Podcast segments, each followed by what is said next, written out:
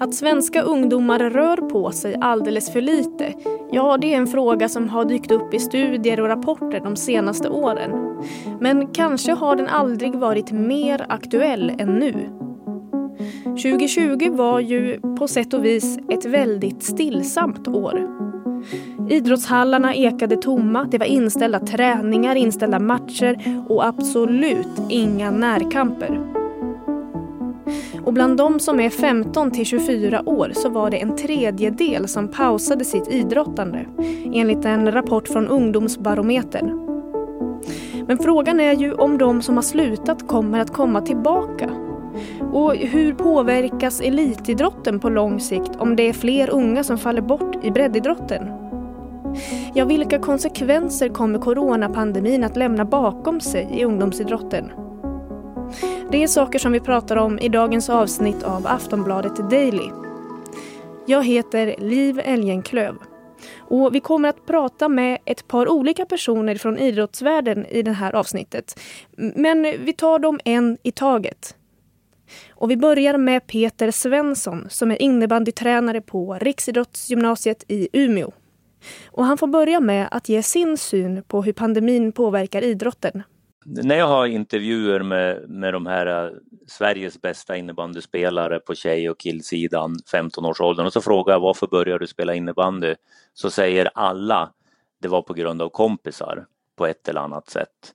Och, och jag tror att det gäller rakt av 100 % eh, alla ungdomar som börjar med en idrott. Jag tror att man börjar för att det är kompisar, en social grej, en tillhörighet och en trygghet.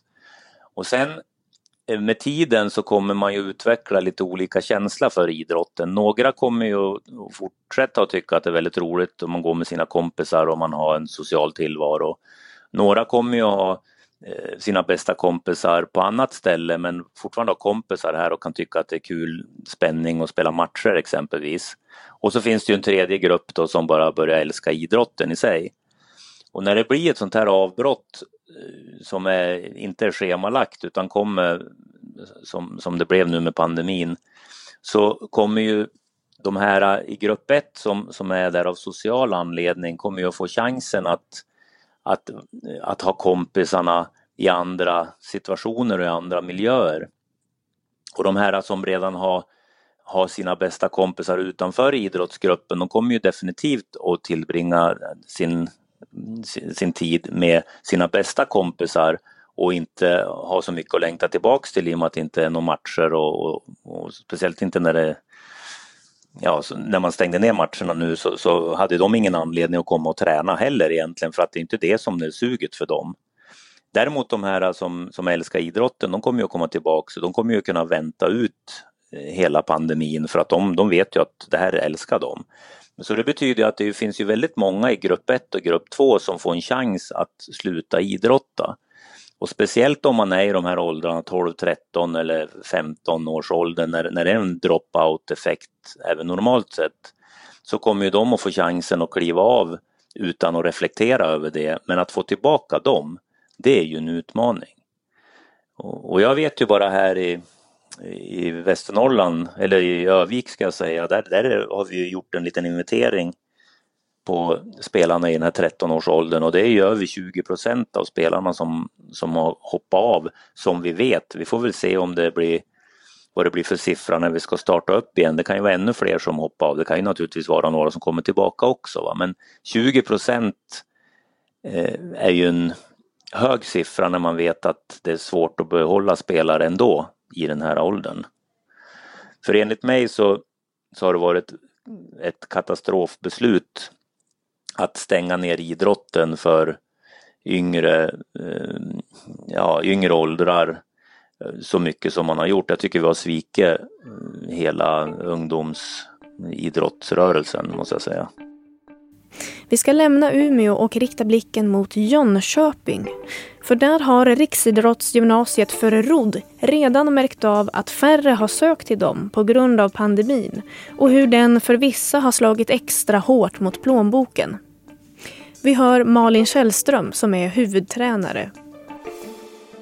Eh, alltså det kostar ju en del pengar att bo hemifrån eh, och, och sådär. Att även om skolan ska vara gratis så, så är det klart att det kostar lite grann och, och, om man inte bor hemma. Eller det kostar mer om man inte bor hemma och så ska man, även om man har inackorderingstillägg och sådär så, så täcker ju inte det den, riktigt den merkostnaden eh, som det blir. Och, och, så var det ju någon förälder som hade blivit av med jobbet helt enkelt eh, på grund av pandemin som jobbade i i en bransch som blev ganska drabbad där. Eh, så.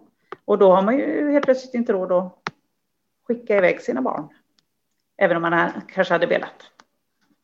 Så, så det är klart att pandemin får effekter och för oss som är så, så pass litet och så det slår på individnivå så, så märker vi ju det kanske tydligare än de stora lagsporterna till exempel som ändå har hundra sökande kanske. Eh, vi kanske har sex, sju sökande. Men du Malin, om vi blickar i det långa loppet då, hur tror du att eh, idrotten påverkas av det här?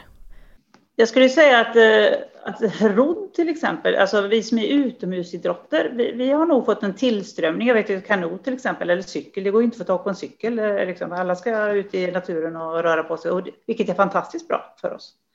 Eh, men däremot eh, idrotter som, som kräver att du håller igång hela året, alltså rodd är ju en, eh, en långsiktig idrott som du måste hålla på och gneta på hela året runt för att du, det är hjärta och lungor som, som du behöver utveckla. Och det är likadant med ja, så längdskidåkning eller orientering eller vad det nu kan vara. Och det är klart att har du ingen aktivitet och vintertid hemma i klubben, även om ni har roddskolor och vi får in en massa nya ungdomar Eh, kan man inte hålla i dem över vintern där så är det klart att det blir ett tapp. Jag vet ju att det är en del som har tappat sugen helt enkelt eh, över vintern när de inte fick träffa sina kompisar på klubben och sådär. Och då blir det att man sitter hemma och så kommer man inte dit i samma utsträckning som man kanske skulle gjort annars. Och sen skulle jag ju säga också att motivationen kanske har sjunkit en del hos eh, våra allra bästa som inte har fått tävla på ett och ett halvt år. Det blir också en, ett litet bakslag i, i det. Ja, nu har vi pratat med tränare både från norr och söder. Men vad säger egentligen ungdomarna själva om hur pandemin har påverkat eh, deras idrottande och deras elitsatsning? När jag ringde upp William Berggren så skulle han precis ta studenten från bowlinggymnasiet i Nässjö. Och 2020 var han uttagen att få representera Sverige i junior-EM. Men pandemin krossade drömmen om att få bära Sveriges färger i ett mästerskap. Men man tappade lite motivation gjorde man ju. Eh, gick ju ner sig lite. När du hade lite förväntningar över att du skulle få spela ett EM och så blev allting nedlagt och så tappade du motivation och inte så sugen på att träna till exempel. Så motivationen förstördes en hel del, en hel del också. Hur var det då när det var som sämst? Hur var det då? Nej men då var det inte så kul överlag. Då vill man inte bobbla så mycket utan man var väl där nere en eller två gånger veckan enbart liksom och var nere och kastade bara för att liksom.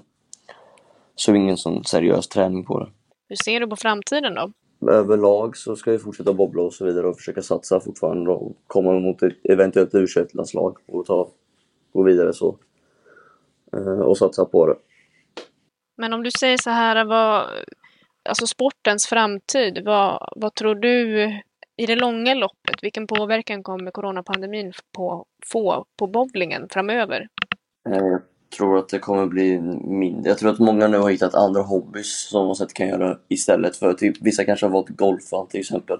Eller något sånt. Så jag tror att folk har bytt, bytt ut bowlingen mot andra saker. Eh, så kanske gör då att vissa kommer lägga av eller så kommer det vara så att vissa ser det som att när de är förenade på ett datum så kommer alla komma tillbaka och vara jättesugna på bowling bowla istället. Jag tror det kommer vara antingen eller. Att antingen kommer det vara ännu fler som kommer börja igen eller så kommer det att försvinna en hel del. Sist här hörde vi William Berggren och det var allt från Aftonbladet Daily med mig, Liv Elgenklöv. Vi hörs! Du har lyssnat på en podcast från Aftonbladet. Ansvarig utgivare är Lena K Samuelsson.